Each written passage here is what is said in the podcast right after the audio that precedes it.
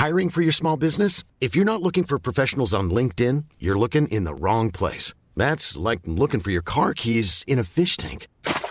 LinkedIn helps you hire professionals you can't find anywhere else, even those who aren't actively searching for a new job but might be open to the perfect role. In a given month, over 70% of LinkedIn users don't even visit other leading job sites. So start looking in the right place. With LinkedIn, you can hire professionals like a professional. Post your free job on linkedin.com slash people today.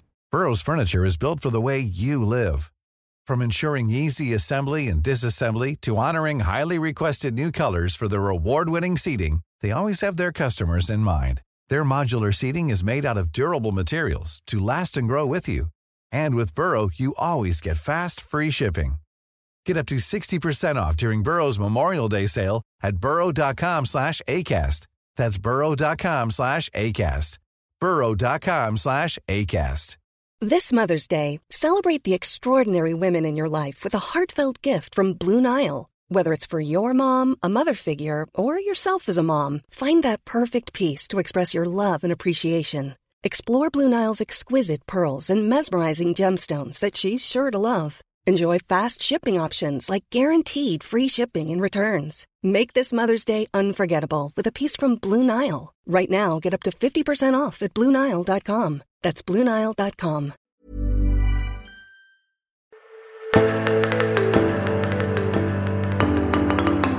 Da sitter jeg, Tarjei Gilje, på kontoret til biskopen i Nidaros, Herborg Finseth. Og dette er jo et rom som i seg sjøl forteller om at her har det vært kristen tro før. For disse husene som har vi, rundt, har vi har rundt oss nå, de er gamle. Ja, de er gamle. Eh, vi sitter i Erkebispegården, og da ser vi ut mot borggården hvor, hvor det er middelalderbygg i to av de fire armene rundt i firkanttunet. Og da er vi Hvor langt tilbake er det vi skal? Ja, da eh, det, Der du kommer inn eh, du, går du gjennom en, en portal som har en gotisk bue. Men når du snur deg, så ser du at de har gjort den Vi tenker at de har gjort den om. Ja. Og at på innersida så ligger den som ble oppfatta som gammeldags. Eh, og han tar, kanskje den blir satt opp på nytt, for på innersida er det en romansk bue. Så vi er nok tilbake på 1100-tallet. At fundamentene for disse bygningene er. Eh, den, det bygget vi sitter i nå, eh, var ferdig i 1997 etter en brann som ødela veldig mye.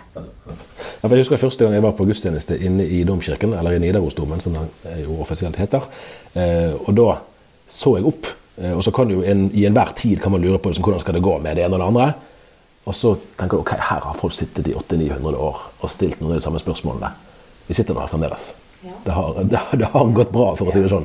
Man kan få litt sinnsro egentlig av Men, kan, men opplever du det òg eh, tyngende? At, for du står i, i, en veldig lang kontinuitet da, som biskop i Nidaros. Altså, den, de første fundamentene til Kristkirka som mm. Olav Kyrre begynte å bygge på, er lagt i ca. 1070. Eh, og vi, vi, vet at det her er en veldig lang rekke av biskoper som jo er avbrutt med reformasjonen. Eh, men samla, hvis vi skal se, være litt, mm. litt rause med hverandre og se på den i sammenheng, så er det jo en veldig lang rekke. Ja, det er et ansvar. Eh, og jeg tenker ofte på det når jeg går ut og inn gjennom den portalen eh, eh, som jeg beskrev. At ja. nå, er det, nå er det de vakt, Herborg. Ja, jeg syns at det er alvorlig. For Der har jo en biskop noe av det til felles med altså statsforvalteren eller det som het fylkesmannen før, at du er et menneske i et embete, og så er du òg et embete som er utover det mennesket som til enhver tid ja. bekler det. Ja. Hvordan opplever du den, den vekslingen der? Ja, det å være eh, det å være en person eh, eh, gjør jo at man kan være med å forme det uttrykket og den mm. forestillinga folk har om biskopen. Men biskopen er en veldig sterk rollefigur ja. som det knytter mye respekt og mye alvor til. og så er det jo, som du sier, en, en, en lang kontinuitet. I vår sammenheng er det jo en voldsomt lang kontinuitet. Det som du ikke har sett i dag, og som vi kan gå og se på en annen gang, det er portrettrekka ja. som henger nede i det som vi kaller herresalen, i den gamle erkebiskopens palass. Det er den lengste sammenhengende portrettrekka i Norge. Ja. Så eh, selv om man kan synes at det er litt sånn flottesen med portretter, så fortsetter vi. Ja. For å holde, holde det gående. Men, men, men uh, dette kontoret viser jo også noe av dette, de lange linjene. Her på veggen attmed oss så henger det en kopi av noe som er en gravstein fra, uh, som er funnet inne i Drosdomen i krypten. Det henger et, et, et, en, en slags korsfestelsesscene, mem- eh, et meditasjonsbilde som er fra sent 1600-tall. Eh, Og så er det noen ting fra vår tid. Eh, Det ene er bildet av eh, pave Johannes Paul og biskop Bremer som kneler og ber sammen i domen.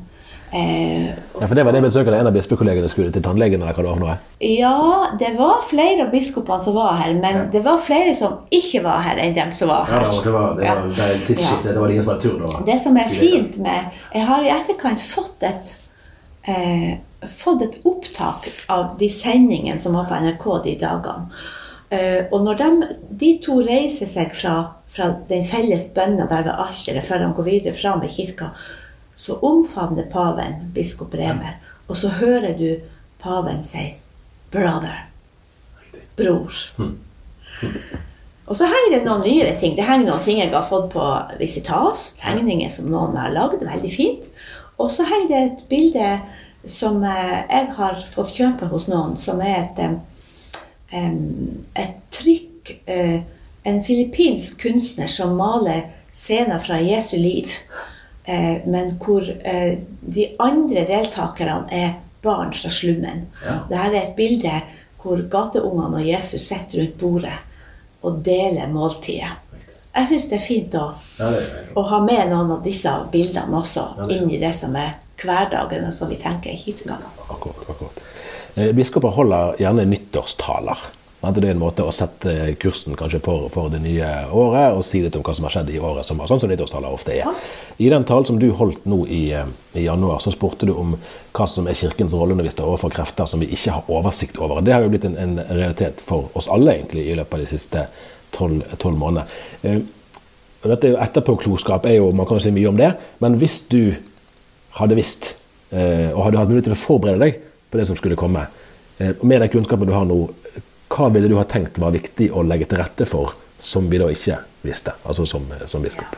Ja, vet du, jeg har fundert på det spørsmålet, og så tenker jeg huttetu, hvor bra det er at man ikke vet hva som skal skje. det var det første. Og så tenkte jeg, når du stilte spørsmålet nå, så hørte jeg noe annet enn det jeg tenkte på. For jeg tenkte på hvordan skulle jeg ha forberedt de andre på det som ville komme. Eh, hvordan skulle jeg ha forberedt mine medarbeidere? Og det som jeg, jeg tenkte på da, var Jeg tror jeg ville ha jobba med forståelse for og trening på å, å gjøre om. Trening på å være fleksibel, på å håndtere det uforutsette. For det er jo noe av det som har vært eh, var utfordringa i begynnelsen, var å skjønne eh, både hvor omfattende dette skulle bli. Det var veldig vanskelig å skjønne. Eh, og, at, eh, og hvordan vi Hva skal vi gjøre nå, når vi ikke kan gjøre det vanlige som vi gjør? Ja, Ja, for det er vel noe av det sikreste vi kan si om fremtiden, at det blir ikke sånn som vi tror. det er helt sikkert. Ja. I den samme talen sa du òg at vi vender aldri tilbake til fortiden. Eh, Vi snakker om at alt skal bli bra. Det blir det vel kanskje ikke, og i hvert fall blir ikke alt som før. Men så spurte du òg hva denne tiden har gitt oss. Hva ville du sjøl svart på det spørsmålet? Ja, eh, jeg har vært opptatt av å stille akkurat det spørsmålet noen gang. Fordi at noen ganger så blir vi så opphengt i det vi har mista, det vi har tapt, at vi, at vi ikke klarer å løfte blikket. Og jeg tror det er viktig at vi løfter blikket. Jeg tror vi har erfart hvor viktig fellesskapene er for oss. Både det menneskelige fellesskapet eh, mellom venner som er blitt annerledes, eh, alle hverdagens fellesskap som vi deltar i, om det er skoleklassen si, sine vanlige samlinger og knuffing i gangen på tur ut og inn, eller om det er arbeidsplassen vår eller kinoen, idrettslaget, gudstjenestene, overalt der vi er. Eh, og så har vi jo erfart at eh, sakramentene forutsetter jo et fysisk nærvær på samme sted. Ja. Eh, det blir veldig tydelig for meg at livet også er taktilt og kroppslig. Eh, vi har sett det nå når, når eh, vi prøver å gjenskape en bleik variant på digitale flater, at det er noen ting som blir borte for oss. Ja. Ja. Og det er jo interessant på den måten at vi, altså Hvis dette hadde skjedd bare for fem år siden, så hadde vi vært mye dårligere i stand med digitale hjelpemidler. altså Zoom og Teams. Dette var vi ikke like vant med for så kort tid siden som fem år. Her har vi snakket om 900 års perspektiv. Ja. Men selv med de forutsetningene, så er det egentlig tydelige tapsopplevelser. Det var veldig rart. Det var, det var Jeg syns det var fælt. Eh, I mars og april i fjor eh, Vi har jo snakka om hvordan disse kontorene ligger, og når jeg går herifra, så skrår jeg over Vestfrontplassen hvis jeg skal ned i byen.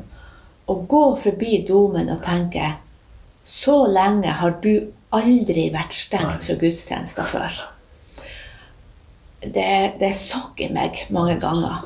Syns jeg var veldig krevende. Eh, og selvfølgelig alle andre steder, men det der er jo et sånt bygg som gjør at du tenker annerledes. Eh, og alle de sammenhengene som vi har ikke kunne delta i. Jeg tror ikke vi hadde drømt om at vi skulle stå i det så lenge som vi nå har gjort. Eh, og det er veldig godt at vi, at vi øyner slutten nå. I forrige uke ble det kjent hvor mange som meldte seg ut av Den norske kirke i fjor. Litt over 12 000. Eh, I Trøndelag fylke, som Nidaros bispedømme jo eh, omfatter, så er status at det er rundt 78% av innbyggerne som er medlemmer i Den norske kirke. Eh, Et klart flertall av befolkningen. Eh, Og faktisk òg omtrent da 7 høyere enn i befolkningen for øvrig. Hvorfor tror du medlemstallene er høyere i ditt bispedømme? Det er veldig interessant eh, hvordan trender sprer seg. Eh, hvem som bor hvor hen. Hva slags sammenheng det er f.eks. mellom sosiologi og trostilhørighet. Hvis vi går inn på statistikkene, så ser vi at Trondheim er et annet sted enn resten av, eh, av, av Nidaros. Eh, I Trondheim er det lavere eh, tilhørighet til Den norske kirke. Eh, det er en, befolkning som antallsmessig har flere som, som har vokst opp i andre land enn en Norge. Så det er jo en sosiologisk størrelse, men så tror jeg også det er en kulturell størrelse. Mm, og det handler også om tradisjon.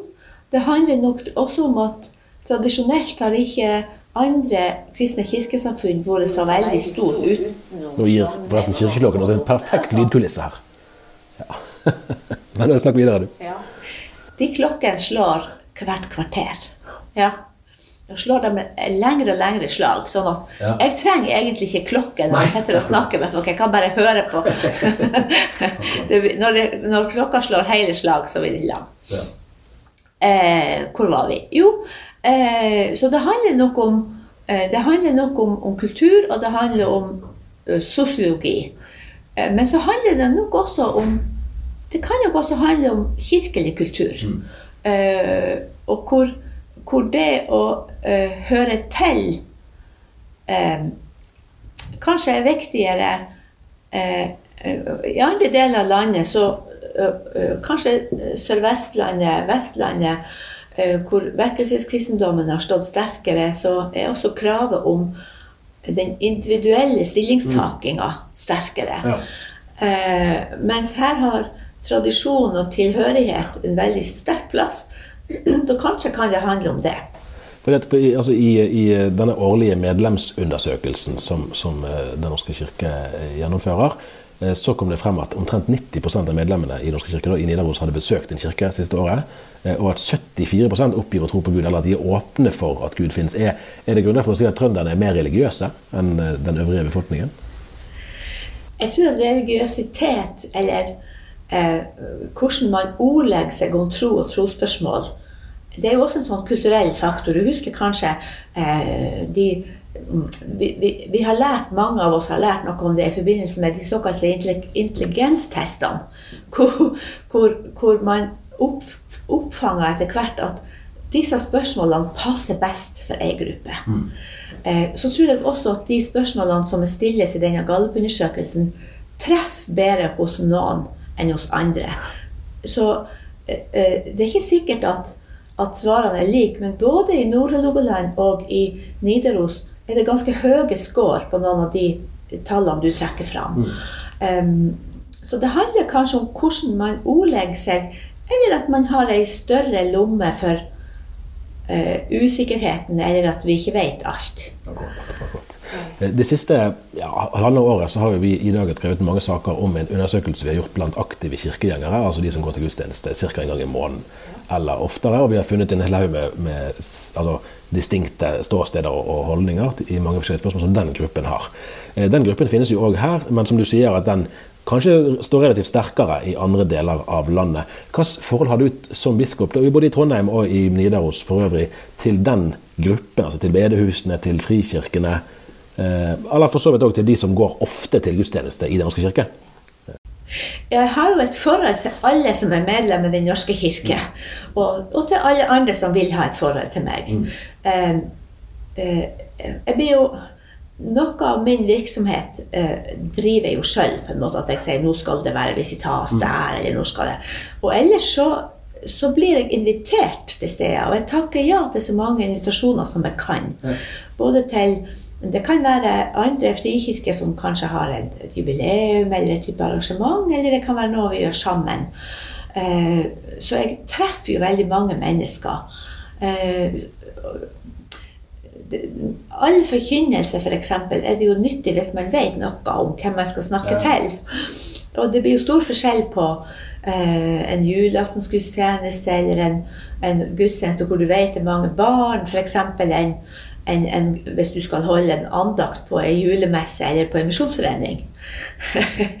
eh, og jeg er jo jeg er glad for alle som, som opplever at, at, at, kirka er mi, og, og, og, som oppsøker kirkebyggene. Og så tror jeg vi må se at vi, vi kommer der med litt forskjellig motivasjon og litt forskjellige forutsetninger, men at det er viktig for meg at det, at alle som kommer, skal oppleve at det er rom for dem. Akkurat, akkurat. Men vi opplever også tilbakemeldinger fra rundt i menighetene at eh, det er mange tiltak som skal ha plass i gudstjenesten. At, mm. at eh, noen ganger så kan de som eh, går ofte til kirke, og som er det vi kaller aktive kirkegjengere, ønsker seg eh, forkynnelse som kan gå dypere inn i mm. stoffet, f.eks. Ja, ja. eh, og det er, verd, det er et, et, signal som det er verdt å lytte til og ta vare på. Ja. Eh, både, både, bedehusene og frikirkene er jo blitt til i større eller mindre grad da, i kontrast eller som en konkurrent eller protest eller hva vil du si, til folkekirken. Sant? Og Det kan vel kanskje noen ganger være et nesten sånn gjensidig mistillitsforhold òg. At, liksom, at bedehusene syns ikke at kirken er liksom, eh, ja, rettroende nok, eller hva man skal si. Og Kirken kan tenke at disse her bedehusene og frikirkene de mangler ganske mye av den plattformen som Kirken med sine 1000 år i Norge historie har. Hvordan vil du beskrive det forholdet her, kanskje sammenlignet med, i den grad du vil sammenligne med andre landsdeler? Ja, jeg opplever jo at vi, vi har et tillitsfullt og godt samarbeid, men det har jo skjedd veldig mye. Eh, eh, hvis vi går 70 år tilbake, f.eks., så heter Frikirken fremdeles Dissenteret. Ja. ja. Å ta dissens, det er jo å være uenig. Ja, ja. Eh, så det, det, har skjedd veldig mye eh, i eh, samhandlinga og utviklinga mellom kirkesamfunn. Jeg tenker det er, det er veldig gledelig, og det er nødvendig. Mm. Det er nødvendig at vi både anerkjenner hverandre eh, både i det vi har felles, og i det vi er forskjellige på. Mm. Eh, men at vi ikke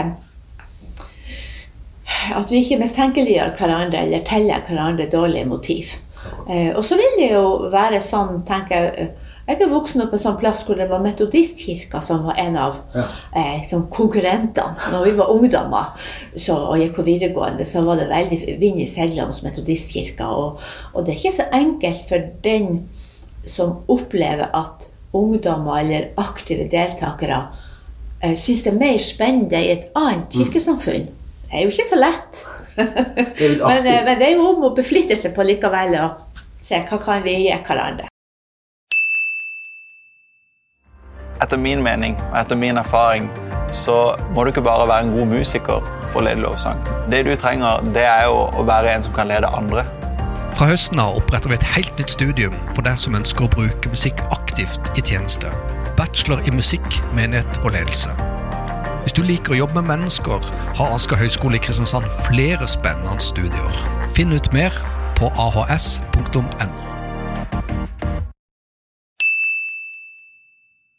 Det er litt artig her i byen at her på denne siden av Prinsens gate så ligger både, både Domkirken og Erkebispegården og flere kirkelige virksomheter på rad og rekke. Mens rett over veien så ligger vel både Salem, altså Nordmisjon, der ligger Betel, Pinsemenigheten, Frelsesarmeen, Baptistkirken og Den katolske kirken. Ikke side ved side, men i samme. Ja, Synagogen også ligger like bak. Så det er jo litt sånn artig at det er bare en vei eh, egentlig imellom. Ja, og Der var jo bispevigsling i Den katolske kirken. Den Bispevigslingen skjedde vel i Domkirken her? var det sånn det var? Ja. ja. Hvordan, hvordan Altså for Her er det jo en reformasjonsperspektiv, altså en 500 års historie osv. Hvordan, hvordan blir Den norske kirke sin rolle preget av det at det er andre sammenhenger som blir, så der flere og flere søker til? da, altså F.eks. at det er blitt mange flere katolikker i Norge enn bare for 20-30 år siden. Akkurat eh, nå eh, Her kommer mange ting på en gang. Når det gjelder dette med, når det gjelder dette med, med domkirka, så var det eh, så var det veldig enkelt når forespørselen kom og sa ja. Mm. Og det var helt riktig. Eh, Ikke bare fordi at det er et større rom, men akkurat pga. sammenhengen og den betydningen denne kirka har eh, som eh, Hellig Olavs gravkirke for, for katolikker i Norge. Det var, det var veldig fint å kunne være med på å bevirke at, at den mm. gudstjenesten ble her. Eh, og det ble mottatt med veldig sånn glede av katolikkene. Eh, og jeg tenker at det er et sånn symbol på at vi er i en annen tid, eh, hvor vi kan gjøre det. Eh, det, det er veldig eh, det tenker er riktig, riktig vei å gå. Eh, den katolske kirke har medlemmer fra veldig mange land. Eh, eh, vi, vi ser jo også at i mange lokalsamfunn i, rundt i, ja, i hele Norge så bor det mennesker fra mange land. Og det er jo et tankekors for, for oss, da, for Den norske kirke, eh, hvordan vi skal øh, være gjestfri og, og legge opp til en, eh, en, en åpen eh, eh, altså ønsker dem, ønsker dem velkommen. Og samtidig så ser vi jo at mange migranter har ønske om og behov for å ha egne gudstjenester. Eritreiske, etiopiske kristne f.eks. Eh, polske eh, store kontingenter fra forskjellige land som ønsker å beholde sin, sine religiøse tradisjoner. Noen er interessert i å, å gå inn, og mange ganger er det snakk om utlån av kirkebygg. Eh, og der, eh, der har vi, kan vi samarbeide godt. Det krever ofte litt eh, planlegging og dialog for å få det bra til, men her i byen er det flere kirker som nå er, er, har faste bruksavtaler også av andre kirkesamfunn, og det er fint. Men det er en kjempeutfordring for Den norske kirke å se på at vi er så, så blenda hvite som vi er. Og, og eh, hvordan, eh, hvordan skal vi legge til rette for å være imøtekommende og oppleves som et gjestfritt sted for, for mennesker som har bodd i et annet land, og som kommer hit. Nå skal jeg igjen benytte meg av ting som du sjøl har skrevet, og stille spørsmål du har, har stilt. Dette er fra nyttårstalen i fjor. Eh, Da spurte du hvordan kan Kirken både være et romslig og raust fellesskap, som vi nettopp snakket om, eh, og samtidig holde fast på oppgaven med å være lys og salt i verden og stille de vanskelige spørsmål. Og vi kan òg, hvis vi skal være litt, litt frimodige? Altså, hvordan, hvordan eh, ser du på bispegjerningen sammenlignet med f.eks. vekkelsesforkynnerens gjerning? Du, det der eh, spørsmålet så jeg også funderte på. så tenkte jeg, altså. hva er det Ja, jeg har fått dem på forhånd. Det var kjempefint, for da fikk jeg liksom filosofere litt. Ikke for at jeg skulle godkjenne det, men jeg fikk liksom tygge litt. Og da tenker jeg, ja, hva er det som er vekkelsespredikantens særlige mulighet? Eh, som barn og ungdom så hørte jeg en god del av klassisk vekkelsesforkynnelse. Så jeg er ikke helt blank. Eh, og da tenker jeg, Det er jo en litt sånn anarkistisk tilnærming.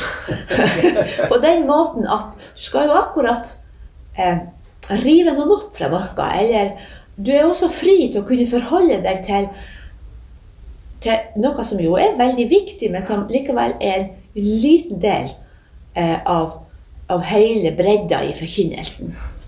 Eh, å skape og være med på å bevirke oppbruddet. Eh, omvendelsen. Eh, eh, snakke sånn at, at man liksom rister folk litt ut av vanen. tenker er jo, Kan vi kalle det at det er litt anarkistisk? Det var litt artig, eh, bare. Ja. Eh, og det å forkynne til oppbrudd er jo også noen gang biskopens oppgave. Eh, eh, jeg skal forholde meg til, eh, til ei ganske stor bredde av mennesker og prøve å nå dem med evangeliet. Eh, i, de, I det jeg skriver, og i det jeg taler, og de besøkene jeg har rundt om, så er jo det som er formålet, å, å vekke og styrke ei levende kristen tro. Eh, men så skal vi også holde sammen eh, Kanskje fraksjoner eller greiner som spriker. Eh, jeg, skal, jeg bruker mye tid på å snakke med mennesker. Eh, jeg må ha et bredere sikte. Mm. og noen ganger så har kanskje med urette eh, den gamle statskirka mm. blitt kritisert for å, for å være lunken eller for å være likegyldig. Eh, og så eh, ser man kanskje ikke helt den bredda i det eh, ansvaret som, som folkekirka har lokalt. Som også kan være en veldig stor verdi. Og man kan jo spørre eh, hvor er de unådde hen? Er det noen som er unådd? Er det noen som ikke Som hadde, skulle ønske eller lengte etter å komme inn i en, i en fellesskapssammenheng hvor, hvor nåden blir forkynt og praktisert? Så tror jeg at de menneskene finnes både under den ene og den andre talerstolen. Ja. Jeg har hørt det sagt eh, noen steder at det er på en måte i Nidaros og i Nord-Norge at folkekirken virkelig fungerer. Det er jo et eh, utsagn man kan like eller ikke like å ta stilling til på, på egen kjøl. Hvis jeg skal stille spørsmål litt sånn spisset, da, vil, og det tror jeg en del vil gjøre, sant? for når du sier om en del som så kunne se på statskirken som lunken, altså hvilken plass har egentlig Jesus i folkekirken? Og Det kan jo virke som et dypt fornærmende spørsmål, for det er vel få folkekirkeprester som vil si noe annet enn ja, men i alle dager, vi er jo en kristen kirke. Men så hvis man kommer fra, kanskje særlig fra bedehuset, der man er vant til en skarpere, kanskje anarkistisk, som du sa, vekkelsesforkynnelse, eh, hvor er på en måte den tydelige, de tydelige Kristusvitnesbyrdet i f.eks. en biskopstale? Sant? Hvordan vil du liksom Jo, det tenker jeg det er jo et relevant spørsmål å stille. Eh, og det er et spørsmål som, uh, som også hører med i den tradisjonen som jeg kommer fra, som jeg har hørt før. Skepsis overfor uh, at det blir for rundt. Det som er folkekirka sin styrke, er at det er rom for både mange grader av tilhørighet. Eh, og skal du finne veien inn eh, i et fellesskap hvor du skal kunne eh, kjenne at du eh, kan ta de store ordene i din munn, Ja. eh, så, er, så må noen dører være åpne. Eh, Min forgjenger Tor Skingsås han brukte å si, og jeg har adoptert uttrykket, at i Trøndelag er tro lettere gjort enn sagt. Ja. Det er et veldig godt uttrykk. For, og det ser du f.eks. Eh, hvor deltar folk på, eh, på kirkegårdsdugnader, på, på praktisk arbeid knytta til ulike arrangement, eh, omtanke for kirkebygget og det som foregår der. Eh, det sier jo noe om tilknytninga som mange har. Eh, og så er det nok litt ulik kultur hvordan man snakker om tro. Tidligere så har jeg vært prest på Nordsenja. Eh, og da kan du få noen fantasier sant, på fiskere som eh, ikke legger fingrene imellom når de beskriver ting. Og det stemmer. Det er kulturen. Men når de skulle snakke om tro og om det som handler om livssyn, Ja. så var det akkurat som om ordene krympa. Ja. Du måtte på en måte kalibrere hørselen din til noe annet for å, for å høre hva er det egentlig han eller hun sier nå til meg. Eh, og sånne koder er det her også.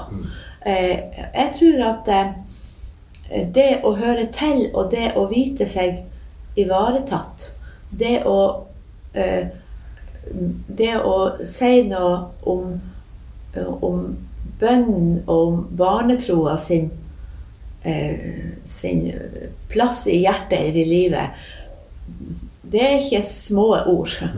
Det er, men, men det er klart, her er det også en sånn tradisjon for, ulik tradisjon for hvordan snakker man om tro. Men det er jo helt riktig at, at, eh, eh, at kanskje har Skaperen eller Vår Herre eh, en større plass enn i, sånn, i, i dagligtale enn en Jesus. Jesus må man nærme seg på en annen måte. Ja. Eh, like etter påske nå skulle det jo ha vært kirkemøte eh, rett her borte. Eh, da blir det vel i november, må vi anta, da. Vi har lært oss. ja. Eh, Da er det jo ofte sånn at den, den nyest innsatte biskopen preker ved åpningsgudstjenesten. Det var deg i 2018, og da var òg kirkemøtet rett her borte. Da snakket du om Thomas, og spurte retorisk hvor ofte har ikke vi kjent på det sjøl at det er vanskelig å tro at tvil sniker seg inn, tross i at vi ønsker det annerledes. Jeg tror vi har, har gjenkjennelse på dette, alle sammen, sa du. Tvil er en vanskelig turkamerat, den tar motet fra oss.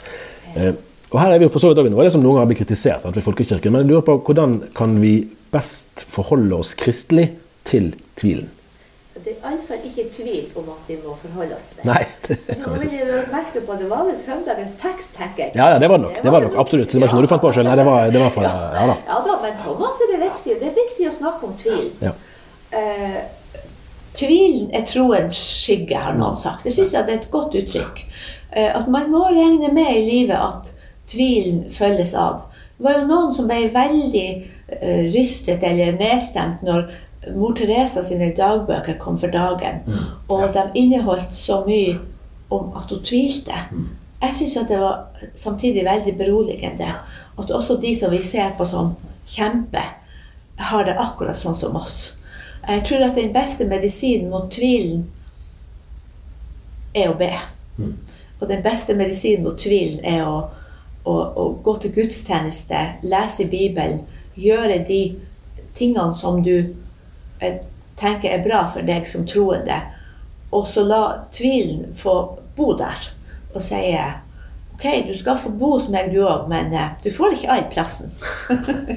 Jeg tror at vi alle må regne med det. Og at, altså, at, at tvilen er en, Den som ikke kjenner på tvil, skal takke Gud for det. Mm. Men både det trykket vi opplever fra eh, strømninger rundt oss, om det er dem som bare har plass til en naturvitenskapelig tolking av verden, eller den eksistensielle tvilen vi kan kjenne på eh, vi, vi, vi vet at det er det vi er utlevert til, eh, og, men at det fins en medisin. Eh, Men det er en slags kronisk tilstand at tvilen er der. Men det fins altså en medisin som virker, og den har noen flere navn. Den heter bønn, gudstjeneste, fellesskap, bibellesning. Til slutt Dette har jeg ikke forberedt deg på. Sånn, nå er det så lett å søke i digitale arkiver. Ja. Det kan jo alle abonnenter på dagen gjøre. Alle avisene som har gått ut fra 1919. Og da søkte jeg på navnet ditt. Eh, Første gang du var opptatt, tror jeg var i 1988. Da ble du vel ordinert? Ja, Ja. det til residerende kapellan i Hammerfest. Akkurat. Altså, ble ordinert i Oslo. Presis. Ja. Og så var det noen, noen eh, treffpunkter oppover. Eh, og du, var, du har jo vært bispekandidat mer eller mindre formelt og i flere runder, jeg tror i tre omganger før du ble utnevnt her. Eh, og det var en sånn artig formulering jeg fant. Dette var på lederplass da, i 2001, for da var du vel nevnt i, no, i Nord-Hålogaland før Kjølås, tror jeg Det fikk var, det. det var den runden Ja. da Per Oskar ble biskop. Akkurat. Ja. Og da sto det opp på lederplass i dagen at hun er kjent som ikke-liberal i de nyere teologiske stridsspørsmålene, i parentes bortsett fra kvinneprestspørsmålet.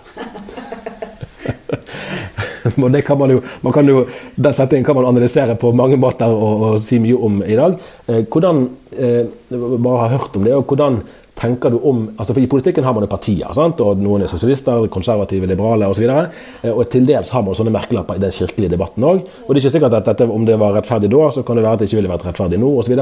Hvordan, hvordan eh, tenker du om, eh, ja, om, om kate, sånne kategorier i den kirkelige debatten, og om du sjøl vil identifisere deg med den ene eller den andre?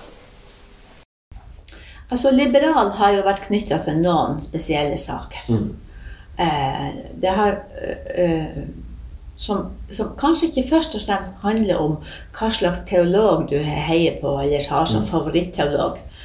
Eh, men det har ikke vært knytta til spørsmål om kvinners prestetjeneste, og det har vært knytta til spørsmål om likekjønna samliv. Eh, og nå, nå, nå, de, de kategoriene fungerer jo fremdeles, og nå kan man legge på hva slags liste ville du stemme på ved kirkevalget, f.eks. Så vi har noen flere alternativ som jo kanskje eh, på sikt kan bli litt enklere å forholde seg til. jeg har ikke vært så eh, Jeg har ikke vært så veldig opptatt av det, men jeg tror nok eh, Jeg er jo ikke veldig konservativ, men jeg er jo sånn som jeg er nok eh, opptatt av, av tradisjoner. Eh, og, og, det kan være grunn til å forandre mening eller ståsted, eh, men eh, hva, hvor ligger verdien i det du har, og hvor ligger verdien i det du vil mm. innføre? Men jeg tror at når det gjelder mer enn teologi, så når det gjelder form, ytringsformer, og hvor vi, hvor vi tror at Kirka skal gå videre, og hvordan vi skal prøve å komme oss dit, mm. så er det grunn til å være liberal på mange vis. Mm. Eh, hvordan skal vi komme bedre i kontakt med de menneskene som lever, vi lever i dag? Mm. Hva slags, eh, hva slags kontakt har vi med folks livsfølelse? Eh, hva er det som skjer? Eh, hva slags arrangement tilbyr vi? Hva slags liksom, muligheter legger vi ut for folk? Mm. Eh, der har vi en kjempestor jobb å gjøre, både kommunikasjonsmessig og når det gjelder arbeidsformer. Og det er jo noe av det spennende som har skjedd dette året. Når vi ser f.eks. hvor mange har søkt gudstjenesten på nettet, og hva slags tid av døgnet. Mm. Ja. Eller hva slags eh, ytringsformer, de her små, korte ord for natten som veldig mange så, mm. f.eks. Eh, hva av dette kan vi ta med oss videre? Eh, jeg oppfordrer menighetene til å tenke over hvordan vil dere bruke kirkebygget deres utenom søndag klokka 11. Det er klart det skal være gudstjeneste der, men hva slags andre ting kan foregå i dette lokalsamfunnet ut fra dette rommet? Hvordan kan man gå på banen ja, ja. I, i, I, å være med og bygge gode lokalsamfunn til beste for alle? Eh, det er viktige spørsmål som, som vi må arbeide med. Og da tenker jeg, Det handler ikke bare om sånn orgel, ikke orgel. Mm. Det er det jo noen som ja. gjerne vil ha. Altså, det er jo en, et spørsmål. Ja. Men det handler om hva slags type arbeidsform. Hvem skal være med å, eh, eh å utforme eller prøve en nye type av virksomhet? Eh, og hvem skal få lov å delta i dem? Der må menighetsråd og ansatte se seg om og tenke seg godt om. Og ikke være så redd for å gjøre feil. akkurat Jeg tror vi får si at det var det vi rakk denne gangen. Mange takk skal du ha for praten, Herborg Finseth. Ja, veldig hyggelig. Vi ses igjen. Vil du bidra til en bedre verden? Gjennom samfunnsansvar og verdiskapning, og se bedrifter som tenker større og mer bærekraftig? Fra høsten 2021 kan du studere økonomi med vekt på etikk og entreprenørskap på NLA-høgskolen i Kristiansand. Nå tilbyr Hauge School of Management bachelorgrader innenfor økonomi og administrasjon både i Oslo og Kristiansand. Som student får du en relevant og verdibasert utdanning, forelesere som er tett på, og mentorer fra næringslivet. Les mer på nla.no. Velkommen som NLA-student. Flexibility is great. That's why there's yoga. Flexibility for your insurance coverage is great too. That's why there's United Healthcare Insurance Plans. Underwritten by Golden Rule Insurance Company, United Healthcare Insurance Plans offer flexible, budget friendly coverage for medical, vision, dental, and more. One of these plans may be right for you if you're, say, between jobs, coming off your parents' plan, turning a side hustle into a full hustle, or even missed open enrollment. Want more flexibility? Find out more about United Healthcare Insurance Plans at uh1.com. Hi, I'm Daniel, founder of Pretty Litter. Did you know cats tend to hide symptoms of sickness and pain? I learned this the hard way after losing my cat, Gingy. So I created Pretty Litter, a health monitoring litter that helps detect early signs of illness by changing colors, saving you money and potentially your cat's life. Pretty Litter is veterinarian developed, and it's the easiest way to keep tabs on your fur baby's health right at home. Go to prettylitter.com and use code ACAST for 20% off your first order and a free cat toy. Terms and conditions apply. See site for details. Planning for your next trip? Elevate your travel style with Quince. Quince has all the jet setting essentials you'll want for your next getaway, like European linen, premium luggage options, buttery soft Italian leather bags, and so much more. And is all priced at 50 to 80% less than similar brands. Plus, Quince only works with factories that use safe and ethical manufacturing practices. Pack your bags with high-quality essentials you'll be wearing for vacations to come with Quince. Go to quince.com slash pack for free shipping and 365-day returns.